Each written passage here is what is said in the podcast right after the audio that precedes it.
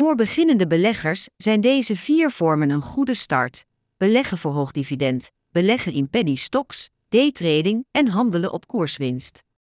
Bij beleggen in hoogdividend aandelen loop je weinig risico, omdat wisselende koersen niet belangrijk zijn en je vooral richt op de dividend die uitbetaald wordt.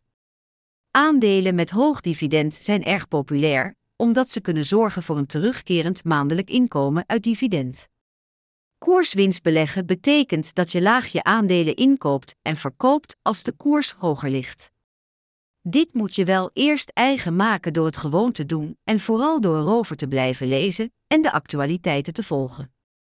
Weer wat risicovoller is daytrading, omdat je gericht op koersverschillen inspeelt en daar veel geld in moet stoppen. Beleggen in penny stocks is ook risicovoller, maar kan mooie winsten genereren. Met penny stocks koop je aandelen die heel goedkoop zijn en daardoor heel veel fluctueren gedurende zeer beperkte tijd.